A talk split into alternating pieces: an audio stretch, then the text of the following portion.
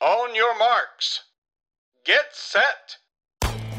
Välkommen till Maratonlabbet, en podcast om löpning med mig Johan Forsstedt och Erik Olofsson. I det här 134 avsnittet intervjuar vi målaren Jesper Lundberg som på bara sju år har tagit steget från division 5 i fotboll till den svenska maratoneliten.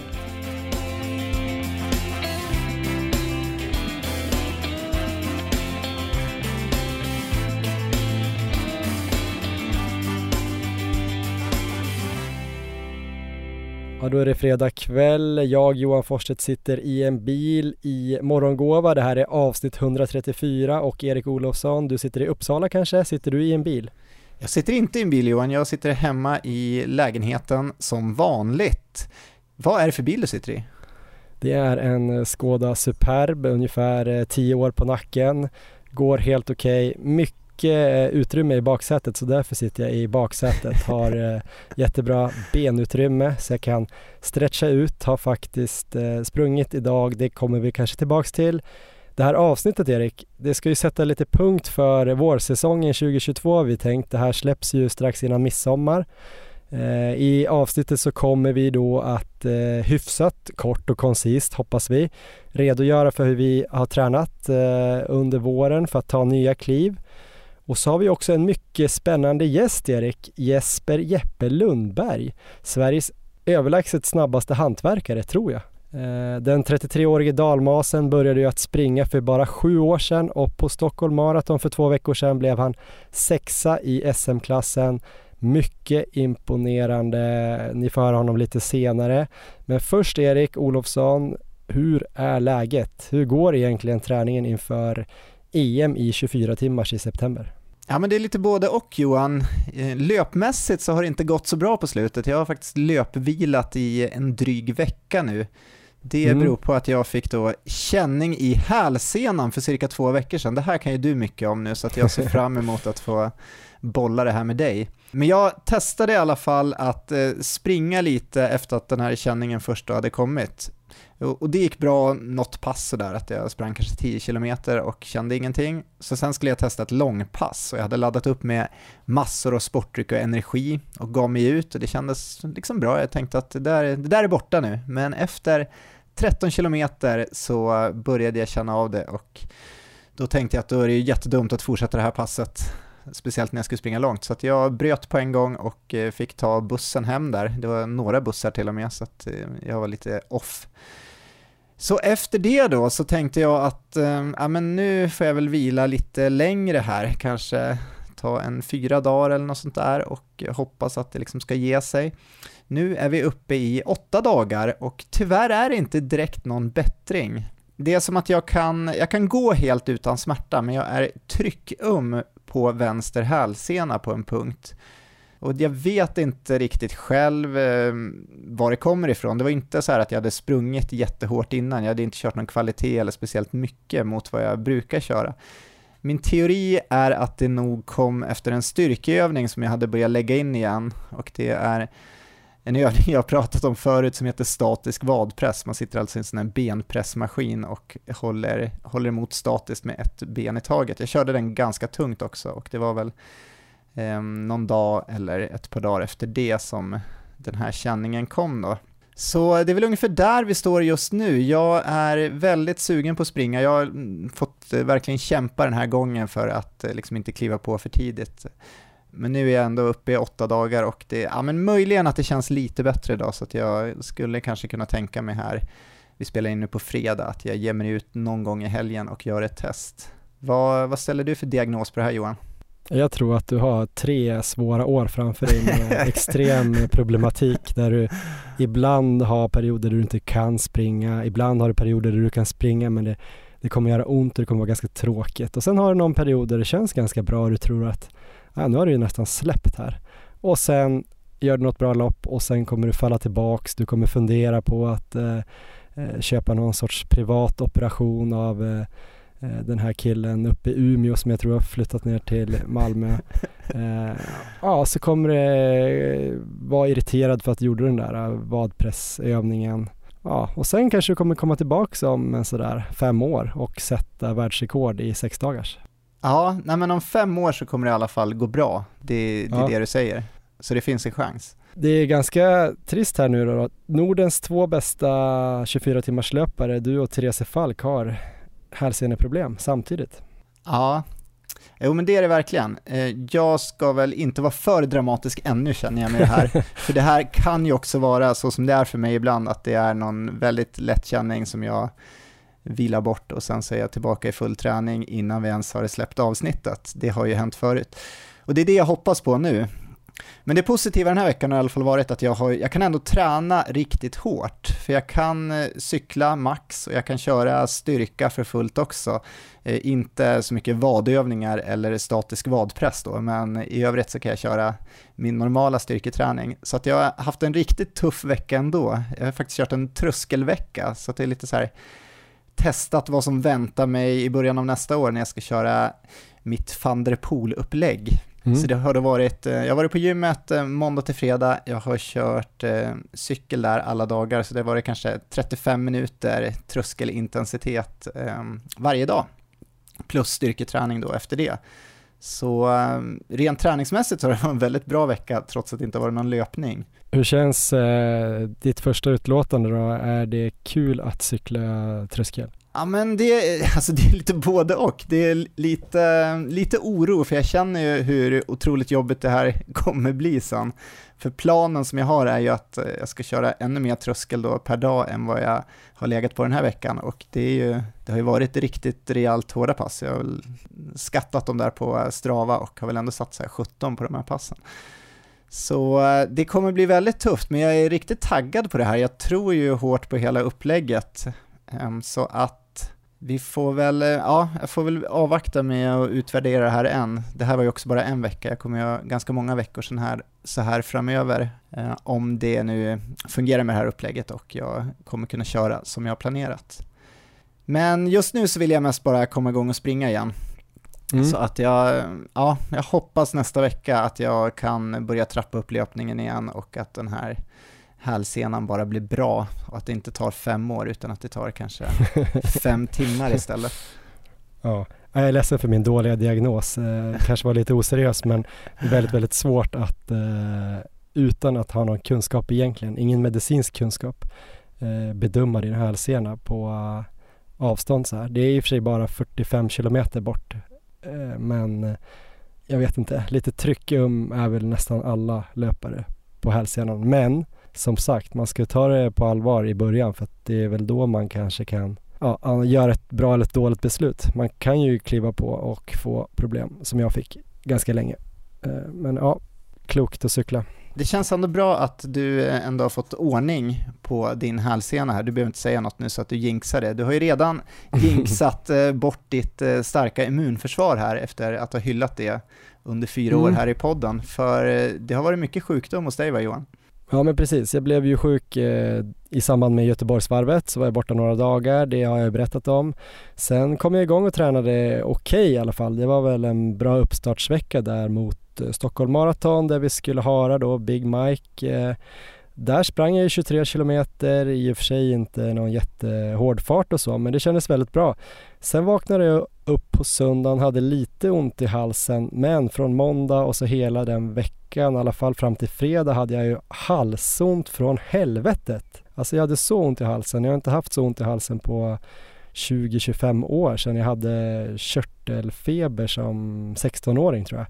Började klinga av förra helgen men har egentligen inte släppt helt förrän typ idag. Och det har ju gått nästan 10-11 dagar. Jag har i princip bara haft ont i halsen och hostat lite på kvällarna. Ingen feber och så men eh, ja, det har varit riktigt segt. Eh, har börjat springa lite lugna distanspass. Eh, kanske dumt eh, för man vill ju inte ha hjärtmuskelinflammation. Men det har varit så himla fint väder och jag har varit så himla sugen på att komma ut så jag har sprungit med pulsband och hållit pulsen väldigt, väldigt lågt. Och sen igår hände det någon grej Erik, eller om det Ja. var i förrgår. Jag skrev av mig lite på Instagram, på vår Insta och skrev att ja, askan är den bästa jorden och man måste komma ur form för att komma i form och då ligger jag bra till för att jag är jävligt dålig form och sådär. Och efter det så har det börjat kännas bättre. Så det där har jag testat förut ju. gnälla på Instagram eller i podden. Och Ja. så har det bara gått någon dag så jag har känt mig så här pigg och börjat drömma om hösten och känna mig stark och vill springa ut och ta Strava-segment och sådär. Så att ja, det har varit tre ganska dåliga veckor egentligen efter varvet. Men den här veckan har jag ändå börjat samla ihop lite distans. Så, och idag var det faktiskt ett pass, det var bara distans 11,5 kilometer men, men puls och fart eh, korrelerade rätt bra igen och känslan var fin. Så nu tror jag kanske att det här är över. Bättre att ha tre dåliga veckor precis efter att man har klarat av ett mål än att man skulle haft tre dåliga veckor precis i uppbyggnaden mot ett stort mål. Så kanske kommer jag se tillbaka på den här perioden som något nyttigt. Vem vet? Ja, nej, men jag tror det är helt sant och jag tror absolut inte det är någon fara att uh, få vila benen lite och liksom återhämta sig muskulärt efter en tuff träningsperiod och en sån urladdning som du ändå hade där borta i Göteborg. Så att du kommer komma tillbaka väldigt snart. Mm, jag hoppas att du har rätt Erik. Eh, på tal om urladdning eh, i april, jag tror det var 23 april, så vann ju du SM i 24 timmars löpning på nytt svenskt och nordiskt rekord. 26,6 någonting mil, jättelångt i alla fall. Eh, jag tänkte ju nu att vi skulle prata lite om hur vi har tränat i vår och vad det har gett och kanske lite hur vi tänkte och hur det blev. Och tanken är ju inte kanske att vi ska sitta och navelskåda oss själva och berätta om det här bara för att berätta utan för att vi hoppas att andra kanske kan få någon idé om hur de själva ska eller inte ska träna framöver. Eh, så vi ska försöka inte fastna i en massa enskilda pass utan tanken att försöka komma fram till något övergripande här, någon härlig slutsats Erik. Eh, Eh, Tror du att vi kommer fixa det här på, på hyfsat kort tid eller, eller kommer det här bli ett eh, jätteavsnitt? Ja, men eh, på förhand så tror jag att vi har goda möjligheter att ändå hålla det inom en rimlig tidsram. Men det, det har vi sagt förut och har misslyckats, men idag händer det. Ja, men jag sätter en klocka här och du får börja då såklart eftersom du har vunnit SM-guld och slagit svenskt och nordiskt rekord som jag var inne på. Hur kommer du ihåg den här våren? Ja, men det började ju med sjukdom där i slutet av förra året, så sen när jag väl kom igång, det var ju i början av januari, så hade jag ju en plan då, ett träningsupplägg som var inspirerat av Alexander Sorokin, som är världsrekordhållare på både 100 km och 24 timmars löpning. Och egentligen så byggde den på tre delar. Det var volym, styrka och kvalitet. Om vi tar då volym först så hade jag hoppats att kunna ligga på runt 20 mil i veckan hela vägen fram till loppet i april i princip. Och i slutändan då så nådde jag endast upp till det under fyra veckor faktiskt. Jag hade tio veckor som var över 16 mil, så att det var helt okej okay, skulle jag säga, men det var inte vad jag hade hoppats komma upp till på förhand. Det var ganska mycket strul, det var corona en period och sen så Leon var sjuk vid några tillfällen och jag hade några lov där jag gjorde olika aktiviteter med honom istället för att träna.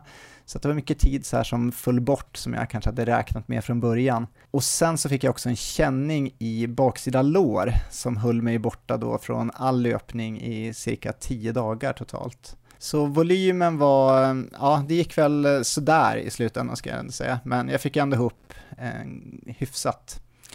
Styrkemässigt så gick det väldigt bra under våren. Jag låg på minst två pass i veckan med tung styrketräning och då var det fokus då på basövningar som till exempel marklyft, knäböj, ja, utfallssteg, jag körde mest Bulgarian squats och sen var det en del olika bålövningar också. Och det här tror jag var en stor nyckel då till att det gick så bra sen på SM. Benen kändes ju väldigt starka hela loppet egentligen och jag tror den här styrketräningen som jag hade fått in där hela våren låg bakom det. Sen så har vi kvar den tredje punkten och det var ju kvalitet, för Sorokin han ligger på extremt hög volym, han har många veckor uppemot 30 mil, men han har även väldigt mycket, eller inte väldigt mycket, men han har en hel del kvalitetspass i alla fall inlagda i den här träningen. Det är väl en ganska låg procent om man ser på den totala volymen, men det är ändå så här, två kvalitetspass i veckan. Mm. Och när jag försökte börja lägga in det i min träning, när jag hade fått upp den här höga volymen och försökte få in lite kvalitetspass, det var då jag fick den här känningen i baksida lår som jag nämnde här förut.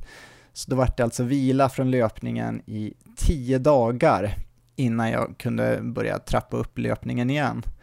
Och därefter körde jag faktiskt inte någon kvalitet alls eh, löpmässigt, utan det var bara fokus på volym när jag var ute och sprang. Men däremot hade jag en del tröskelpass då på cykel inne på gymmet, så det var där jag ändå fick upp pulsen lite grann.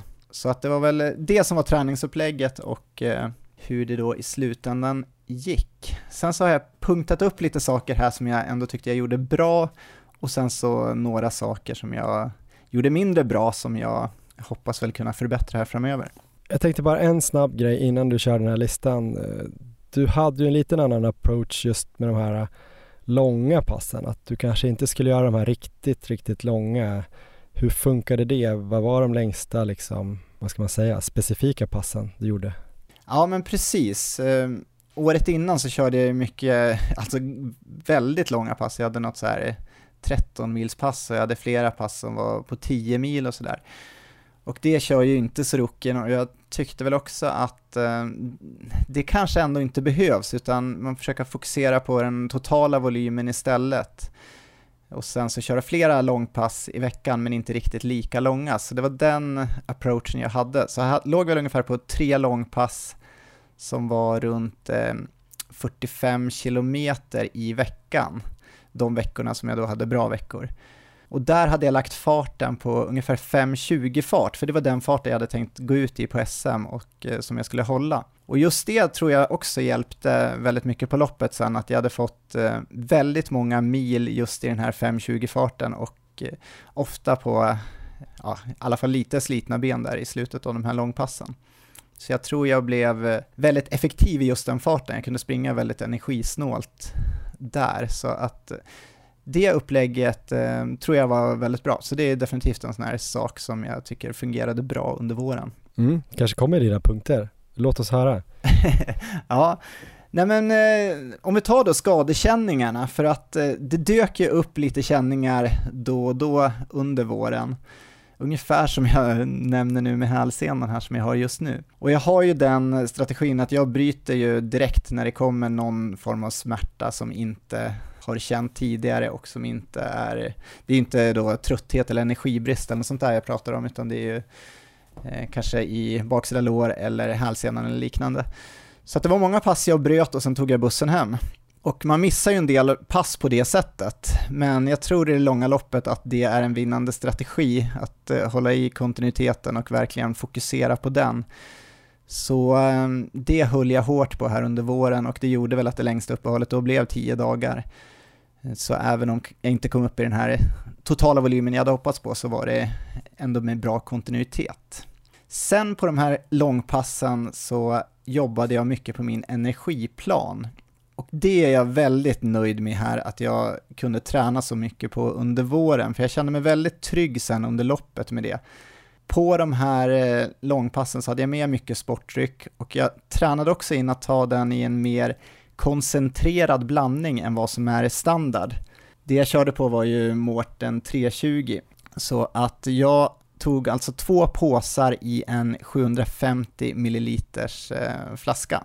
Så det var min koncentration och det är ju mer koncentrerat än vad deras standardrekommendation är. Brukar det vara en påse i 500 milliliter eller? Ja, men precis. Men jag hade varit i kontakt med Tobias på Mårten innan och diskuterat det här och han nämnde väl att det var flera som hade provat det där tidigare och att det hade ändå fungerat bra. Jag tror bland annat eh, kanske Blumenfelt hade kört det har jag för mig på hans triathlon. Så äh, det var mycket bra tips där från honom och eh, får tacka för produkter här också under våren så att jag har kunnat träna på det här. Och sen så på SM fungerade ju energiplanen väldigt bra. Så det var ju, det är något jag är nöjd med. Och sen så, ehm, ja, får prata lite kost också tycker jag. För det har jag kanske inte varit inne på så mycket här i ehm, podden, förutom att jag äter ju väldigt fritt.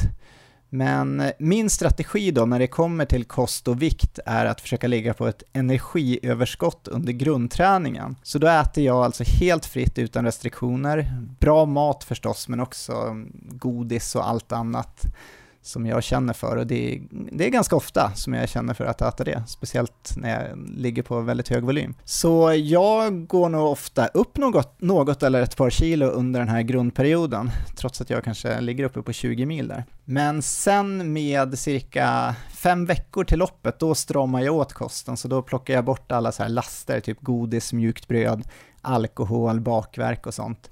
Så jag äter fortfarande mycket och ser till att jag får i mig det jag behöver för att fixa träningen, men jag plockar bort den här lyxen. Så eh, ja, jag tror på det här upplägget. Hade jag så här stramat åt kosten hela året så skulle det nog, det kanske skulle fungera bra ett tag, men det skulle nog inte dröja speciellt länge innan jag kanske låg då på energiunderskott och drog på mig skador och sådär. Det här tror jag på, det här har funkat bra för mig och det kändes väldigt bra där inför SM. Det kändes också som att man har gjort allting man kan när man står där på loppdagen.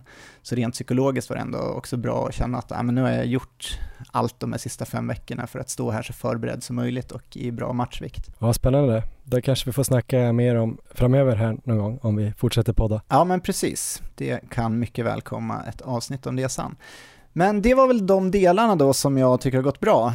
Sen så, eh, vad som har gått mindre bra, det är inte lika mycket. Och, eh, eller så har jag bara förträngt det. Vi får se om du kommer på någonting också här. Men en sak är sömnen och det är alltid så för mig. Jag borde kunna göra det bättre.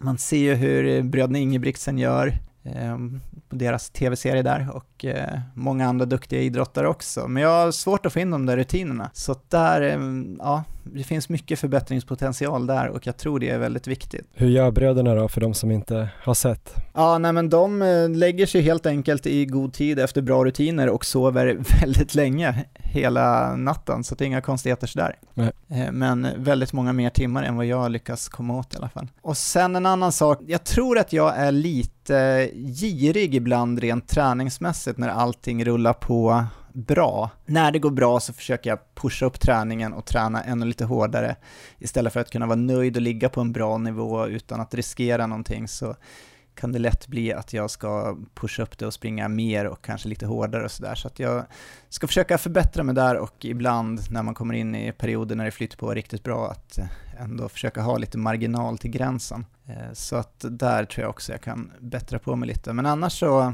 Annars är jag väldigt nöjd med våren. Jag tycker ändå att jag har gjort det bästa möjliga av de förutsättningar som har varit. Det har varit en del problem, men jag har ändå försökt eh, hantera det efter bästa förmåga. Hade hoppats kunna träna mer och bättre, men det får väl bli framöver istället. Det låter lite som vad alla tänker, att de vill träna mer och bättre, sova mer och eh, du är nog inte ensam om att bli lite girig när det går bra. Precis. Har du klockan Johan?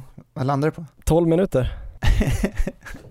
Ja, nej men jag, jag tror jag stannar där. Ja. Eller har du några fler frågor? Eh, det, var, det var min vår i alla fall. Nej men det var jättebra. Kort och koncist men ändå väldigt eh, lärorikt och eh, jag tycker att vi fick eh, väldigt mycket input där om man vill eh, börja satsa här på lite mer ultra eller även bra tips till löpare på alla distanser. Toppen Erik, du klarar det med beröm godkänt. Jag, jag kan klippa ner det till 10 minuter också.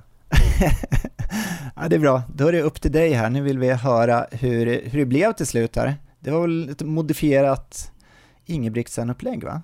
Just det, du sa att du kom från skada. Jag kom ju från en ganska bra maratonträningsperiod faktiskt, sista 8-10 veckorna mot Valencia Marathon.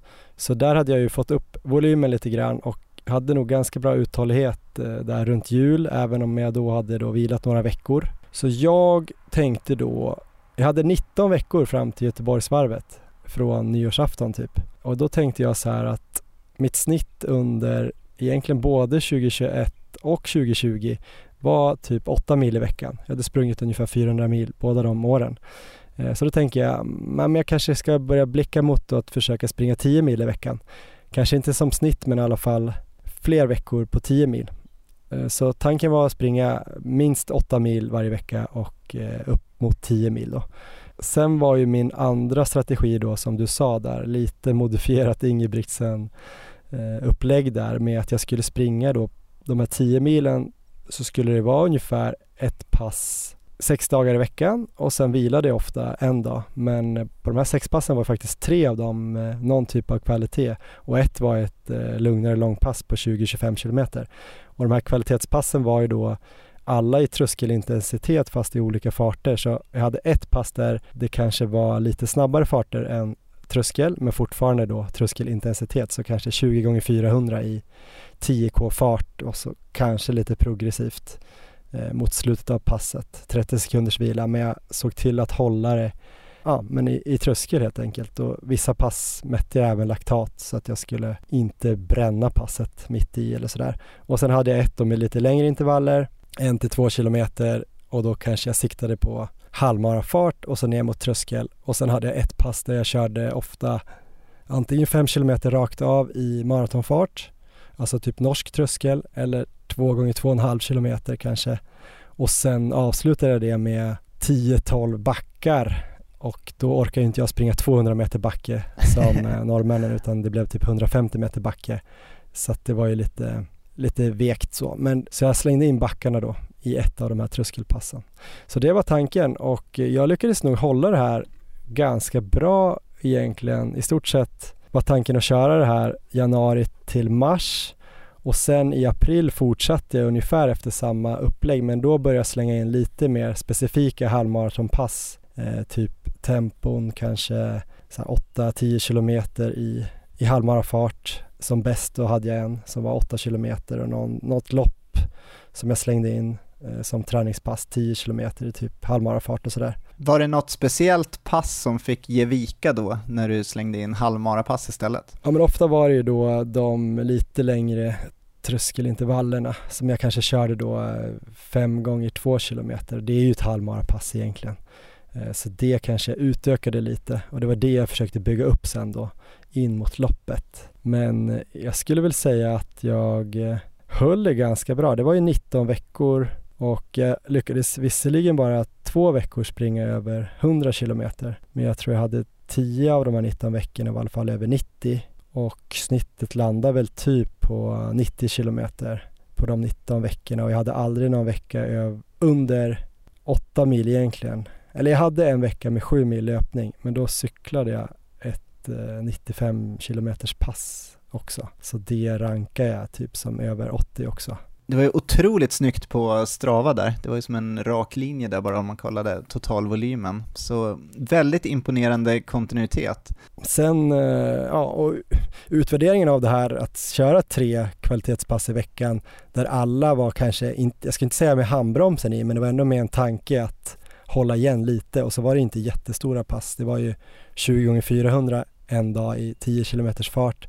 är inte svintufft. Det kör ju många som ett pass på en dubbeltröskel. Det blev väl kanske runt 10 kilometer på det här när jag körde lite längre intervaller och sen var det väl egentligen backarna som blev, det kanske inte var tröskelintensitet för då var det ju backarna så hårt som möjligt så där kanske man fick på lite mjölksyra liksom eller lite över eh, laktat eller lite högre laktat men jag skulle väl säga att man blev väldigt, väldigt eh, bra på att springa ganska fort. Alltså det kändes lite som att eh, jag kunde springa 3.35, 3.40 ganska obehindrat. Men jag kände kanske att jag var ganska osäker när det började bli, alltså under 3.30 fart kände jag att jag sprang väldigt sällan. Så det var lite obagligt men jag kände att jag, jag fick en ganska bra hårdhet där runt halvmaratonfarten. Så jag hade ju väldigt, väldigt många pass där runt 3.30 till 3.40 under den här perioden, vilket jag tror hjälpte mig. Men jag kanske så här efterhand skulle ha spetsat träningen lite och kanske kört i alla fall fem sex veckor i början lite snabbare grejer och sen gått över i tröskelperioden ja. kanske. Men eh, jag får väl säga att det blev bra även om jag tänkte att jag skulle kanske kunna komma upp i 100 oftare. Men eh, det är lite svårt med eh, först familj och jobb och sen familj då på Mallis. Man tänker att man har mycket tid men har man två barn och ingen förskola så kan man ju liksom inte sticka ut hur ofta som helst och springa så att jag får vara väldigt nöjd. Ja, var målet att eh, springa bra på halvmaraton bara, eller var det också att du ville springa bra på något 10K där innan? Det var faktiskt lite grumligt den här våren egentligen eftersom jag skulle vara borta i mars-april så kände jag att jag skulle nog vilja få in en halvmara i, eh, i maj, juni och en 10 km lopp eller ett 10 km lopp. Men eh, det tog väl kanske någon månad innan jag bestämde att det skulle bli Göteborgsvarvet och sen var ju tanken att jag skulle springa typ söder runt eller så men då satte ju den här sjukdomen stopp. Så jag önskar väl att jag hade fått in en, en tia också och kanske att jag skulle ha lagt den innan Göteborgsvarvet men eh, ja, jag fick aldrig riktigt till det i, på Mallis och sen hann jag aldrig hemma innan, innan loppet blev av så att säga. Eller innan varvet kom. Så att eh, det var väl tanken. Men jag tycker det har varit kul eh, att prova på det här. Jag känner att jag svarar ganska bra på det.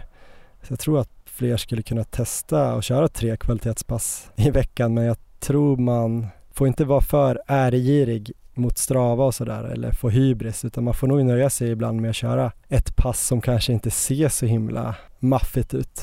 Men man får tänka då att om två dagar så har jag till ganska hårt pass och då kommer jag springa det passet på lite trötta ben och eh, göra det bra. Sen är det ju vilan då som är viktig och den kanske jag inte heller tycker att jag har fått till perfekt det här med sömn då framförallt. Kanske också andra småbarnsföräldrar som känner igen sig i det. Men eh, jag borde också kunna göra Josef Hamber-upplägget och gå och lägga mig med barnen ibland. Eh, det tror jag att jag skulle vinna mycket på.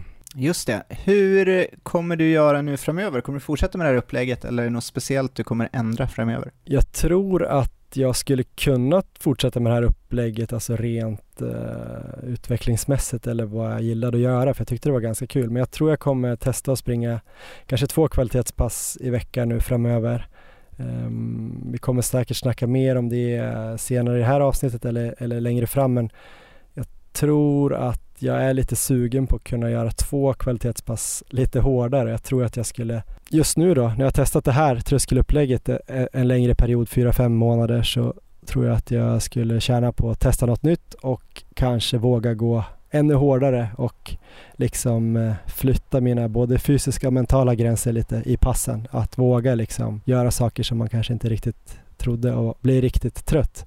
Sen får man ju vara smart där också så att man inte drar på sig skador då för att ja, kör man för hårt på pass kanske man, det blir lite mer risk på det sättet. Men eh, det är dels för att jag tror att eh, kroppen skulle må bra av att bli, att få ett nytt, eh, en ny input helt enkelt. Och också lite för att det kommer passa bättre tror jag med det här pappaledighets, eh, föräldraledighetslivet jag har att eh, det är svårt att träna hårda pass på dagarna för man blir så beroende av att barnet då sover eller så. Så då får jag göra det på kvällarna och jag känner inte att jag kan springa kanske ja, kvalitetspass tre kvällar eller det blir lite för mycket borta och sådär. Så att eh, ja. två kvällar blir nog bra och har jag tur kanske jag kan köra ett av de passen på dagen på någon löparbana med Alve sover eh, bredvid banan och sådär. Så det är min tanke. Men eh, som sagt, tror att eh, det var bra för mig och sen då inför eh, loppet här så fick jag ändå in kanske ett sånt här mer specifikt pass i veckan i april och maj. Eh, fyra gånger tre kilometer och sex gånger två var väl de hårdaste passen som jag körde då. Två veckor respektive en vecka innan loppet. Eh, tanken var ju att komma upp till tre gånger fyra kilometer men efter Sara Lahti-intervjun där när hon sa att hon sprang sju gånger två kilometer inför sin rekordhalvmara där så ändrade jag mig lite och tänkte springa 7 gånger 2 men det blev 6 gånger 2 för att det var lite närmare in på sådär. Så, så de passen är ju jävligt bra, de kan jag ju tipsa om. Eh, det har vi ju kört tidigare också, det har ju alltid funkat. Så runt 12 kilometer i halvmaratonfart uppdelat på någon typ av längre intervall. Kanske upp mot 14 kilometer också skulle funka. Ja, men det vart ju fantastiskt bra till slut. Nytt pers på halvmaraton på en välkänt tuff bana som Göteborgsvarvet. Ja, det är ju svårt att, att, säga exakt men om man säger att det var åtta sekunder pers och jag har kämpat på i fem månader med sån här hård träning då låter det ju kanske som liten utväxling men, men många har ju sagt att det är 60 till 90 sekunder snabbare så om det var en 15 så, så var det bra utdelning ändå på några månaders träning. Men det får vi se, vi får se i, i höst här om det, om det blir något mer halvmara på något plattare ställe. Ja, men jag tror nog att det var så mycket jag kommer kunna prata om det här för att inte spräcka min eh, tidsgräns. eh, till slut då Erik, eh, för att sammanfatta våren här lite grann. Du har gjort ja. en liten lista. Ja, jag har gjort en, en liten lista, topp tre under första halvåret. Tre stycken personer eller fenomen som jag skulle vilja lyfta fram bara. Det är ingen speciell ranking eller något sånt här, men vad ska vi säga, tre roliga saker under året än så länge. Jag tänkte börja med nummer ett här och lyfta fram en av Sveriges mest lovande löpare på längre distanser. Det är en tjej som behärskar både platt asfaltslöpning, trail och bergslopp och haft en helt otrolig utveckling senaste åren.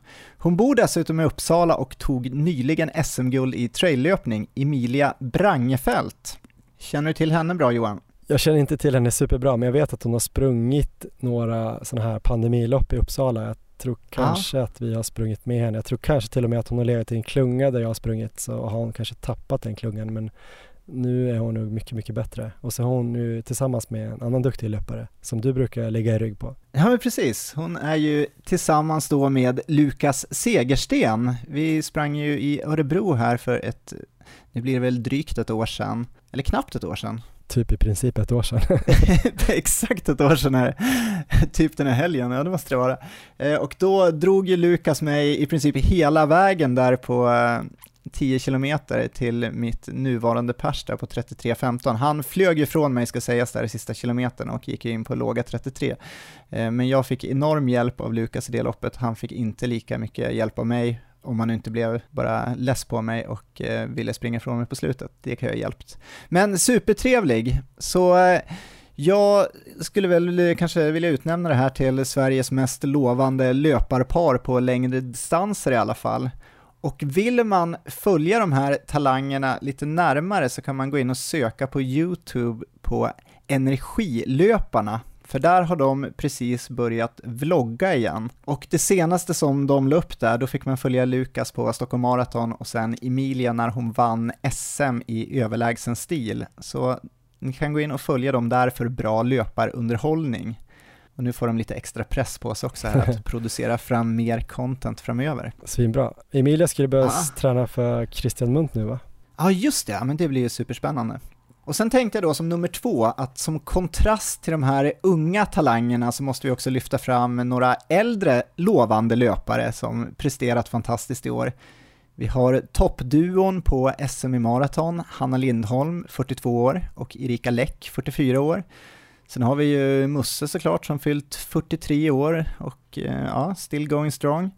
Så jag tycker alla ska inspireras och se att det finns otroliga möjligheter att nå toppen trots att man både når över 35, 40 och till och med 45 år. Och även om man då inte siktar på SM-medaljer så kan man i alla fall slå sina pers långt upp i åldrarna om man tränar bra, smart och eh, hårt och lägger ner jobbet. Och både du och jag Johan har ju nu nått över 40 år och eh, vi fortsätter ju att utvecklas och slå pers här år för år. Och det ska vi fortsätta med i minst fem år till. Mm. Så är det. Deal. Bra. Då har jag nummer tre, den eh, sista punkten här på min lilla lista. Jag har ju redan tipsat om en vlogg. Och nu tänkte jag tipsa om ett blogginlägg som vi blev taggade i på våran Instagram. Eh, såg du det Johan? Kanske. Det heter How to run a sub 3 marathon. Och det var skrivet av en kille som heter Magnus Högfält som just fyllt 50 år, apropå att slå pers i högre ålder. Eh, det blir alltså eh, snabla Magnus Hogfält på Instagram. Det handlade om hans sub 3-mara nu i Stockholm och det var nog bland det mest underhållande jag har läst i löpväg.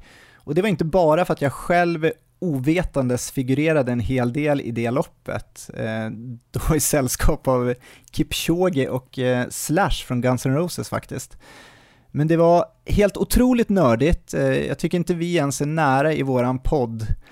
Ja, de mest genomtänkta förberedelserna jag läst om, mm. väldigt så här ambitiös eh, mental plan.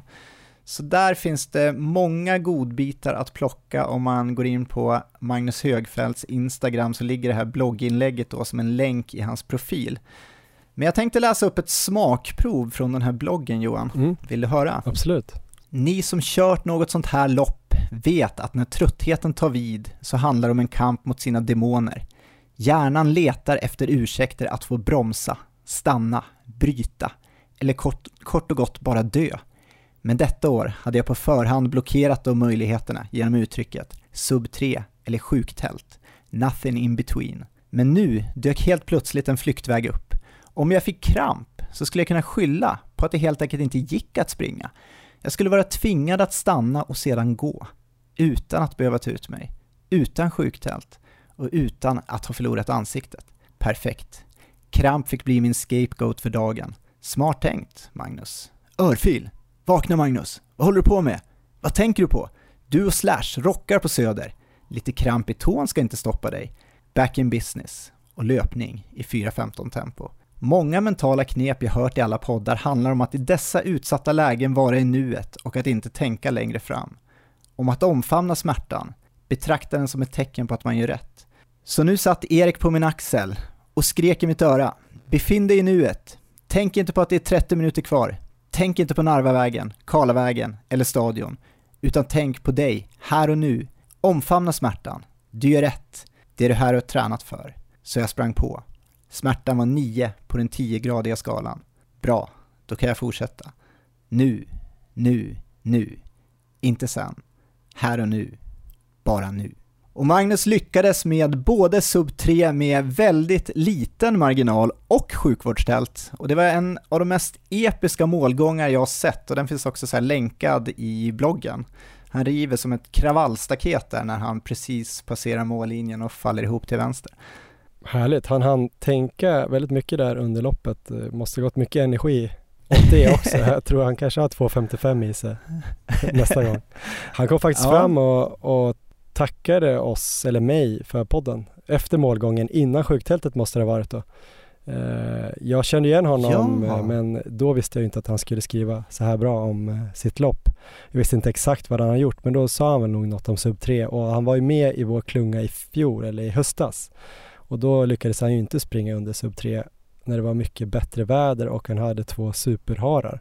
Så det här måste ju varit eh, en jäkla bra prestation. Ja men verkligen. Var du alltså på plats? Ja du var på plats där inne och kanske såg målgången till och med. Jag såg inte målgången. Men det här var då tre stycken saker jag tyckte var värda att lyfta upp här under halvåret. Ja men det där var en härlig lista Erik. Vi får se om eh, någonting här i höst trumfar de här eh, personerna och insatserna och prestationerna. Eh, något som också är härligt Erik, det är ju att eh, vi har ett samarbete med Löplabbet. Det är ju Sveriges eh, största och bästa butikskedja för löpare och löpning med åtta fysiska butiker och så har de ju också löplabbet.se för två veckor sedan tipsade vi om den här eh, rykande, färska, heta distansskoguiden som de eh, publicerar varje år. Den hade ju precis kommit då och jag tycker fortfarande att eh, ni som inte har varit inne och kollat där Eh, borde göra det. De har ju alltså testat då väldigt grundligt tio olika par distansskor eh, Gå in och läs där. Det finns ju bland annat då som vi sa då, de som vi springer i Cloud Monster, Ons eh, härliga sko och Asics Gel Nimbus Light till exempel. Ja, men läs mer på löplabbet.se. Om ni kommer in där på löplabbet.se kan ni också då eh, läsa mer om eh, Asics Metaspeed Sky Plus. Ni kan också köpa den här skon. Eh, vi har ju testat Metaspeed både Sky och Edge va, i fjol Erik. Nu den här Sky Plus och Edge Plus ska ju vara uppdaterade. Vad tyckte du om Metaspeed när du testade den i fjol? Vi har inte testat den här igen. Vi hoppas att vi kanske kan få göra det snart. Ja, men jag gjorde ett eh, litet eget test kommer jag ihåg på löparbana där jag sprang 7 km tröskel med Metaspeed Sky och med Alphafly där. Um, samma pass eh, samma dag med några timmars mellanrum och de stod sig otroligt bra mot Alphafly i det testet i alla fall. Jag låg på samma fart och i princip samma puls också. Så det fick mig då att ändå vara väldigt positiv. Så sen testade jag den på den enda halvmaran jag sprang förra året. Då sprang jag i Bålsta. Det var en kontrollmätt halvmara, men det var under pandemin där, så jag tror inte den var sanktionerad.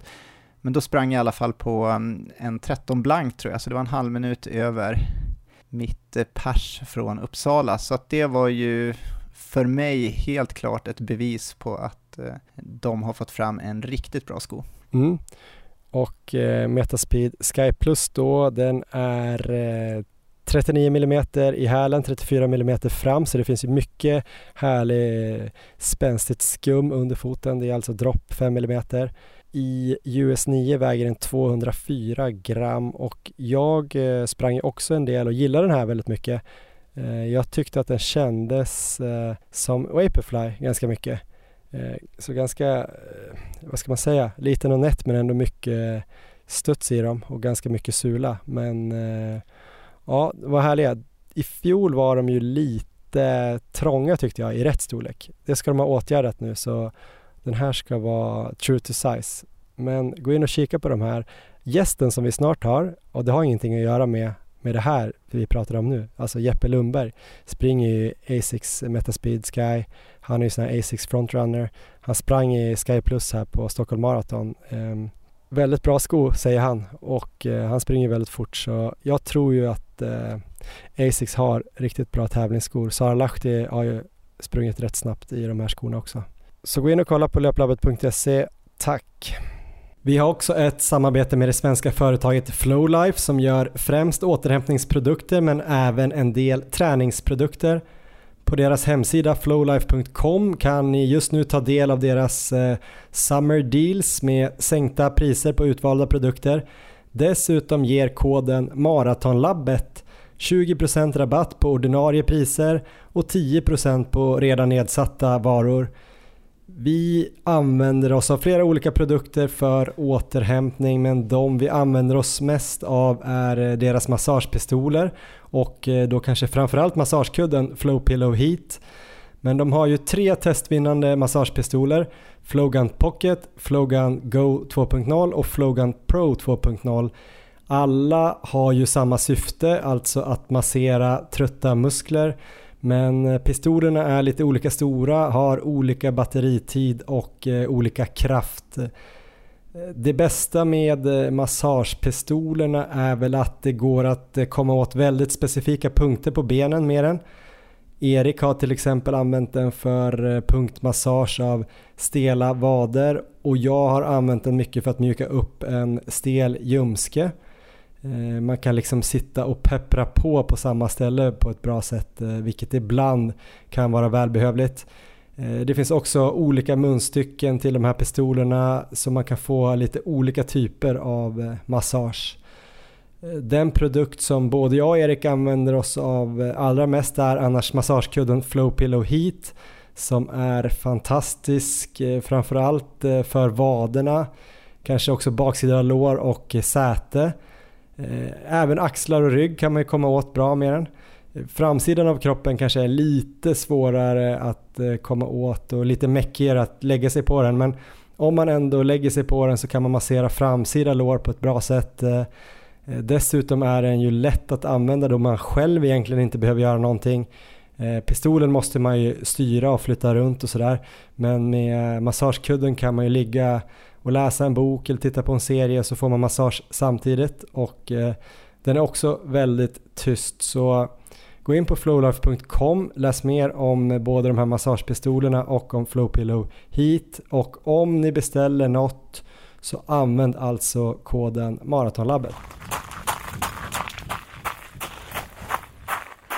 Ja men då är det dags för eh, det här avsnittets intervju då. Vi har ringt upp eh, Jesper Lundberg, den 33-årige målaren från Dalarna som började satsa på löpning 2015 och som nyligen blev SM-sexa på maraton och som i höstas sprang maraton på 2.19.43. Man kan ju undra hur det här har gått till. På bara sju år har han alltså blivit en av Sveriges bättre eller bästa löpare framförallt den absolut bästa hantverkaren då. Här kommer Jeppe Lundberg. On your marks. Get set! Ja men då får vi eh, varmt välkomna Jeppe Lundberg till eh, Maratonlabbet. Det var på tiden. Hur är läget Jeppe? Ja men det är bra. Jag lär väl tacka för att jag får vara med. Stor ära. Ja men det får du göra. Jag har fått för mig att du har lyssnat lite på podden. Ja, jag har nog lyssnat liksom tre år har jag nog lyssnat på liksom att du har väntat på att avsnitten ska komma ut varje vecka. Så. Ja, det låter ju härligt.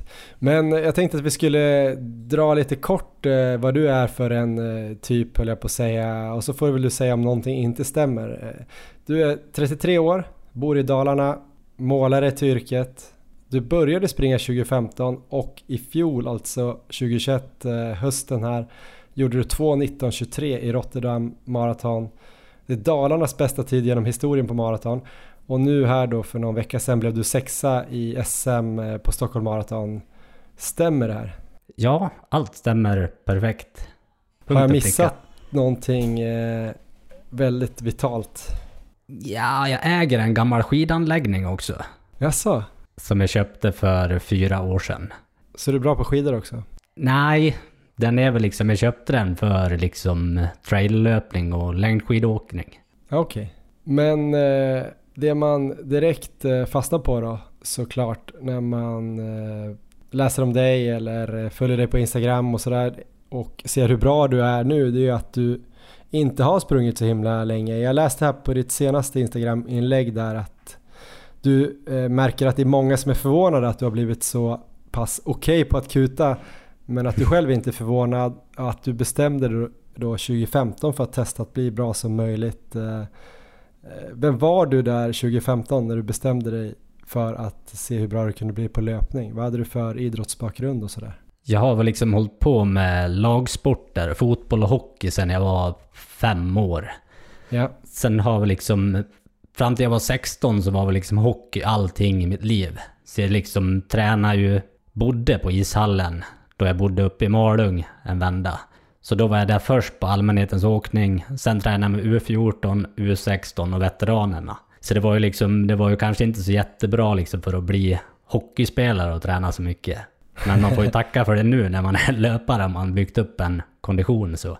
Men hur kom det sig då, då 2015 att du ville prova på löpning? Hade du någon typ av eh, löparbakgrund? Hade du sprungit något med hockeyn eller testat något lopp eller sådär? Nej, efter jag var 16 så var det, har det ju mest varit fotboll framöver. Och sen liksom har jag sprungit Vansbro halvmaraton var ett lopp som jag sprang två år. Men jag hade liksom inte tränat för det, men jag var trea den gången. Sista gången jag sprang. Året innan jag vart löpare, 2014 måste det ha varit det.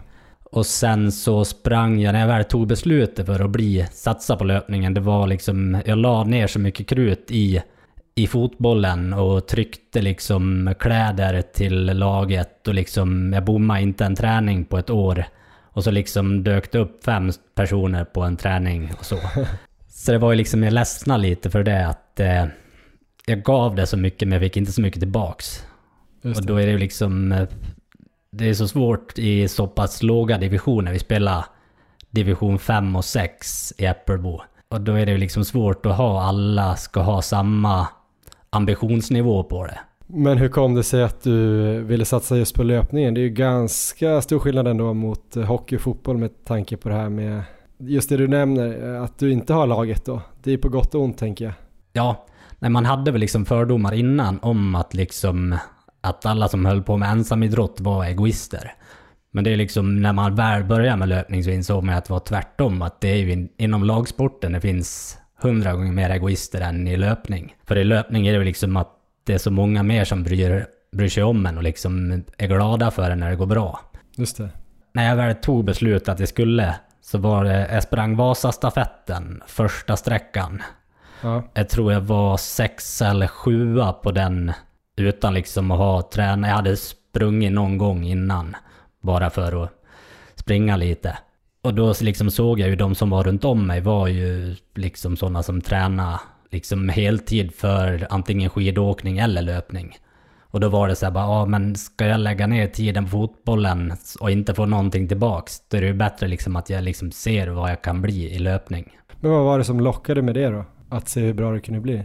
Ja, det var väl liksom, jag har väl alltid, allting som jag har gjort så har jag liksom sett lite så här, hur bra kan jag bli på det här? Och sen har jag väl från liksom när jag var liten så har jag väl insett att jag är... Jag har ju haft talang som man kallar det för att springa. Men jag har aldrig gett det liksom en chans så att träna. Men hur såg det ut då, då 2015? Hur gick du tillväga då när du började att springa liksom? Läste du på eller började du liksom bara köra? Eller tog du kontakt med någon? Alltså vad var första steget? Som tur var så fick jag väl kontakt Eftersom när jag skulle börja så är det väl säkert så många som inte springer som tror så att nu ska jag bli så bra som möjligt. Då ska jag springa så hårt som möjligt och så många gånger som möjligt i veckan. Så det var liksom, som tur var så fick jag kontakt med Håkan Eriksson, eh, orienteraren ifrån Malung, okay. som har slagit massa veteranrekord och grejer nu de sista åren. Så han liksom eh, gav mig väl en grund liksom hur jag skulle gå tillväga för att kunna hur man skulle träna helt enkelt. Nu känns det ju rätt så självklart med allting med att man inte ska springa allt man har på alla pass och, för att bli bra. Och sen så tog han ju också upp det att det var bra med att åka längdskidor för liksom att när jag var ovan att springa så liksom kunna få en rätt så hög träningsvolym ändå utan att slita för mycket. Är det någonting du gör nu också eller? Nej, tyvärr så har det blivit mindre liksom sista åren. Då har jag känt att löpningen tar så pass mycket tid och jag har inte haft... Jag hade en infekterad tånagel i vintras en vända så då fick jag lov att stå på älven och staka en del bara för att stå helt stilla med foten. Annars så är det liksom att löpningen tar så pass mycket tid så att... Men det är ju... Hade jag haft mer tid till träning så hade jag helt klart åkt mer längdskidor. Och när du pratar om, om tid där då, vad är det som gör att du inte har mer tid? Ja, det är väl liksom hundflän och allting runt om och sen liksom jobbet och allt som det är. Men eh, om vi backar tillbaks där då till 2015 när du fick hjälp där av Håkan eh, och började springa. Hur mycket började du springa ungefär då? Ja, jag har inte 100% koll, men jag tror jag sprang fyra, fem gånger i veckan i början. Och sen komplettera med skidåkning. Jag tror ju liksom, när jag började springa så sprang jag ju aldrig något rent platt millopp. Men jag skulle tro att jag hade liksom kapacitet att springa milen under 35. Direkt i början. Ja, liksom bara på grundkondition. Det låter lite som eh, Viktor Smångs då, med också hockeybakgrund och gjorde typ sub 35 sitt första millopp. Ja, Man tror inte att ni hockeyrävar ska vara så snabba, men ni är ju ganska små du och Viktor ändå jämfört med. ja vi är inte så stora någon av oss. Ja, men, eh, men sen då om du går framåt där, vilka år eh, liksom har du fått lite tydligare lyft och, och vad har det berott på? Liksom hur har utvecklingen sett ut där då lite översiktligt? Det har väl blivit lite, lite för varje år. Men jag skulle säga att det gick rätt så långsamt i början. Jag tror första året jag sprang kanske jag var med ner och gjorde milen på 34 låga. Och sen också så var det väl så att det var väl dåligt med folk på fotbollen så jag lovade väl liksom att jag kunde vara med ifall det var dåligt med folk. Så jag var väl med på någon match efter en halvmara och vart skadad. Mm. Och så då insåg jag väl att eh, jag kan inte tacka ja till den och det är ju bara idiotiskt.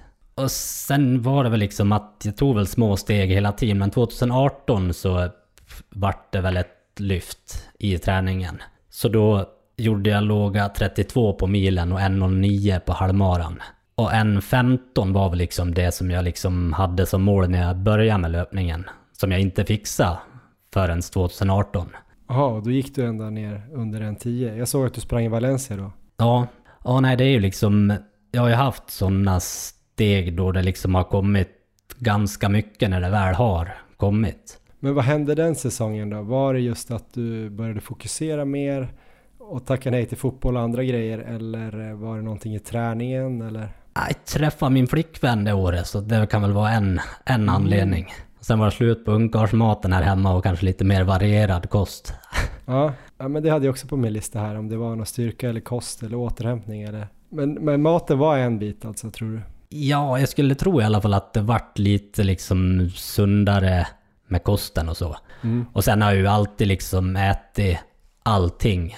Och genom hela allt så äter jag ju liksom efter, efter hunger. Så att desto mer jag tränar, desto mer lär jag äta. Så det tar sig naturligt. Men själva träningen det året då, 2018, vad hade du kommit upp för, på för mängder och vilken typ av träning körde du?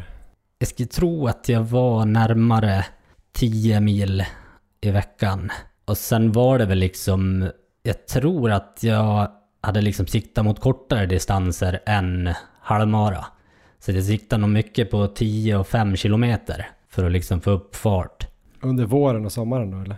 Ja, och det var liksom också att vi var uppe och sprang, uppe i Åre så sprang jag alla korta traillopp uppe där. Och nu har vi ju haft det som tradition så vi är ju upp till Åre varje år på fjällmaratonveckan. Okej, vad kul. Så det var väl där det började, att vi började åka upp dit. Men inför eh, Valencia halvmaraton där då, hur fokuserat eh, och specifikt tränar du inför för det loppet? Kommer du ihåg det? Nej, det var nog inte så värst specifikt. Jag tror jag körde liksom ett eller två pass som var liksom inriktat mot halvmaraton in, inför det. Jag tror jag kommer ihåg att jag körde, körde några stegar med en, två, tre, två, en. Som gick rätt så snabbt. Om det var en kilometer i fem kilometers fart, eh, två kilometer i tio kilometers fart och tre kilometer i halvmaratonfart. Och sen ner tillbaks. Det var väl liksom 2019, två månader innan pandemin, det var väl då liksom som jag började min maratonsatsning. Ja, du hade inte sprungit någon maraton innan dess eller? Jag har sprungit i Stockholm, jag har sprungit 32 kilometer och tunnelbana 12. så det var min debut. Så jag kände halvvägs, jag var på väg mot en tid mot kanske 2.35 någonting sånt. Och jag kände att maraton, det ska jag bara springa. Och sen tog det tvärslut vid 30 kilometer. Så det var väl 2017. Det var samma år som jag varit med i Asics Frontrunner. Okay. Och då, då var det väl liksom att ja, vi skulle få startplatser dit. Och det var någon månad innan vi fick reda på det. Och jag bara, ja det är väl klart vi ska köra ett maraton. Men sen var det ju liksom, jag var ju inte förberedd för det. Och jag trodde ju inte att man behövde ha i sig någon energi eller någonting. Det var ju bara att köra. Så då gick jag helt in i väggen. Men sen fick jag revansch på Frankfurt samma år. Så sprang jag 2.42. Men vad hände däremellan då? Tog du tag i långpass och eh, började få i dig energi och sånt eller? Mellan Frankfurt och Stockholm? Ja men precis. Ja, nej, jag hade nog sänkt mina, förut, eller mina förväntningar och allting. För jag kände nog att jag liksom pressade mig för hårt i Stockholm på min första maraton. Och trodde liksom att jag skulle springa bättre än vad man ska göra på sin första mara. Men från 2019 då fram tills nu så har det ju bevisligen gått väldigt bra med din maratonträning eftersom du har gjort sådana otroligt bra lopp. Eh. Och du skrev också i det där Instagram-inlägget att eh, de här senaste två, tre åren så har din kropp börjat bli mer redo just för löpträningen och att, och att du då i samma veva börjar satsa ännu hårdare och fokuserat ännu mer. Berätta lite vad som har hänt. Ja, jag, det var väl liksom... Jag tror pandemin har varit extremt bra för mig för att jag har kunnat liksom träna och inte liksom fått säsongerna sönderryckt av att ha liksom för många mål. För förut så har jag liksom försökt att liksom blivit bra på alla korta tävlingar och tänkt alltid att det ska vara så bra som möjligt hela tiden. Nu har jag ju liksom insett att det är ju bra att ta vissa tävlingar som, eh, som bara träning. Och sen liksom att det har funkat bättre för mig att ha haft ett stort mål. För jag var ju anmäld till Rotterdam Marathon 2020 i våren. Så jag hann ju att träna mot Rotterdam Marathon fyra gånger innan det vart av. Ah, ja. Och så blev det aldrig några lopp så du kunde bara fortsätta träna. Ja, jag sprang eh, ehm, Kia fjällmaraton eh, 2020. Så det var liksom då det började släppas upp med lite specialversioner av lopp. Så då vart jag trea uppe på Kia fjällmaraton. Och sen så fick jag liksom testa på maradistansen en gång. Så jag lär väl be om ursäkt till Erik eftersom jag petade ner Ja, honom på just det. första platsen I virtuella Stockholm maraton. Ja men det var ju kul, det var ju lite så vi fick upp ögonen för dig. När det var Ja. den virtuella versionen och Erik ledde, jag tror man kunde springa från fredag eftermiddag till söndag midnatt kanske. Så ledde Erik där på söndag någon gång, men så kom det någon, Jesper Lundberg och sprang på 2.25 och Erik hade gjort 2.38 eller vad det var. Som vi tyckte var jävligt bra på träning, men eh, ja, det var knappt som man eh, kunde tro på det. Men sen fattade vi vem du var så. Ja, nej, det var ju faktiskt en... Det är ju en prestation som jag är riktigt stolt över eftersom jag började träna för att göra maran under 2.30 på liksom ett storstadsmaraton där det är platt och hur mycket publik som helst. Så var det ju storm i Äppelbo den där dagen och det blåste ju så in i Nordens. Och det var liksom, jag kände efter 10 kilometer att det här är- kommer nog inte gå bra. Men sen liksom höll det hur bra som helst. Jag känner att du hittade 42 kilometer medvind där. Ja, nej tyvärr inte. Tyvärr så är Äpp- Äppelbo riktigt öppet också. Så jag sprang 10 varv på en 4 kilometer slinga. Ja, okej. Då var det ju väldigt rättvisa förhållanden då, alltså just banan. Erik sprang ju också väl där uppe i Slavsta kan jag tänka mig. 10 varv på den där. Ja, Uppsala är blåsigt också. Så. Min flickvän är är från Uppsala, så jag Ja, hänger ju en del där. Men, eh, men efter det här då, de här senaste åren, när du, du gjorde ju 2.25 där då, virtuellt. Eh, men liksom hur har du tränat för maraton nu? Har du någon träningsfilosofi eller vad man ska säga? Jag har väl liksom en grund, grundstruktur i en vecka liksom som ser nästan likadan ut. Och som i princip har sett likadan ut sen jag började satsa mot maraton. Sen byts den ut lite mot olika pass beroende på vilken fas jag är i och vad jag är i för form. Det här låter spännande. Berätta lite mer om, om grundveckan, strukturen där. Och sen får du gärna krydda lite med olika, olika typer av veckor. brukar börja måndagarna med ett halvlångt pass på eh, 25 kilometer. Mm. Som är liksom och ett pass som jag tror jag har gjort mycket eftersom jag också har ett långpass. Så är Mm. liksom det, jag lurar huvudet att 25 kilometer är ganska kort. Och sen tisdagarna, måndagarna kan också vara, om det är nära ett maraton så kan det vara med inslag med kvalitet. Okej, annars är det mer distansfart. Ja, det kan vara som ett jojo-pass eller som ett rent tempopass. Och sen tisdagarna är dubbeldistans, 12 plus 13, ungefär så jag får ihop 25. Och onsdagarna är väl längre intervaller. 3 gånger 5, 4 gånger 5, 1 gånger 15 och lite olika sånt. I maratonfart då eller? Ja, eller lite snabbare. Och sen så tis- torsdagarna är också en dubbeldistansdag. Och fredagarna är antingen distans eller backintervaller. Mhm. Och där har jag väl snott lite från Norge nu sista åren. Så att det är väl 2 gånger 10 gånger 200. Just det. Fast jag har väl alltid liksom kört, sen jag började med löpning så har jag alltid hållit i backintervaller. Och sen lördagarna långpass och söndagarna är 10 kilometer enkel distans. Okej, så typ en vilodag för dig. Ja, och det är väl därför må- måndagarna känns relativt enkla också. Så. Men det lördagspasset då, långpasset, hur eh, lägger du det? Är det kvalitet i det också eller är det ett mer lugnt långpass? Nej, det är väldigt sällan det är kvalitet på långpasset.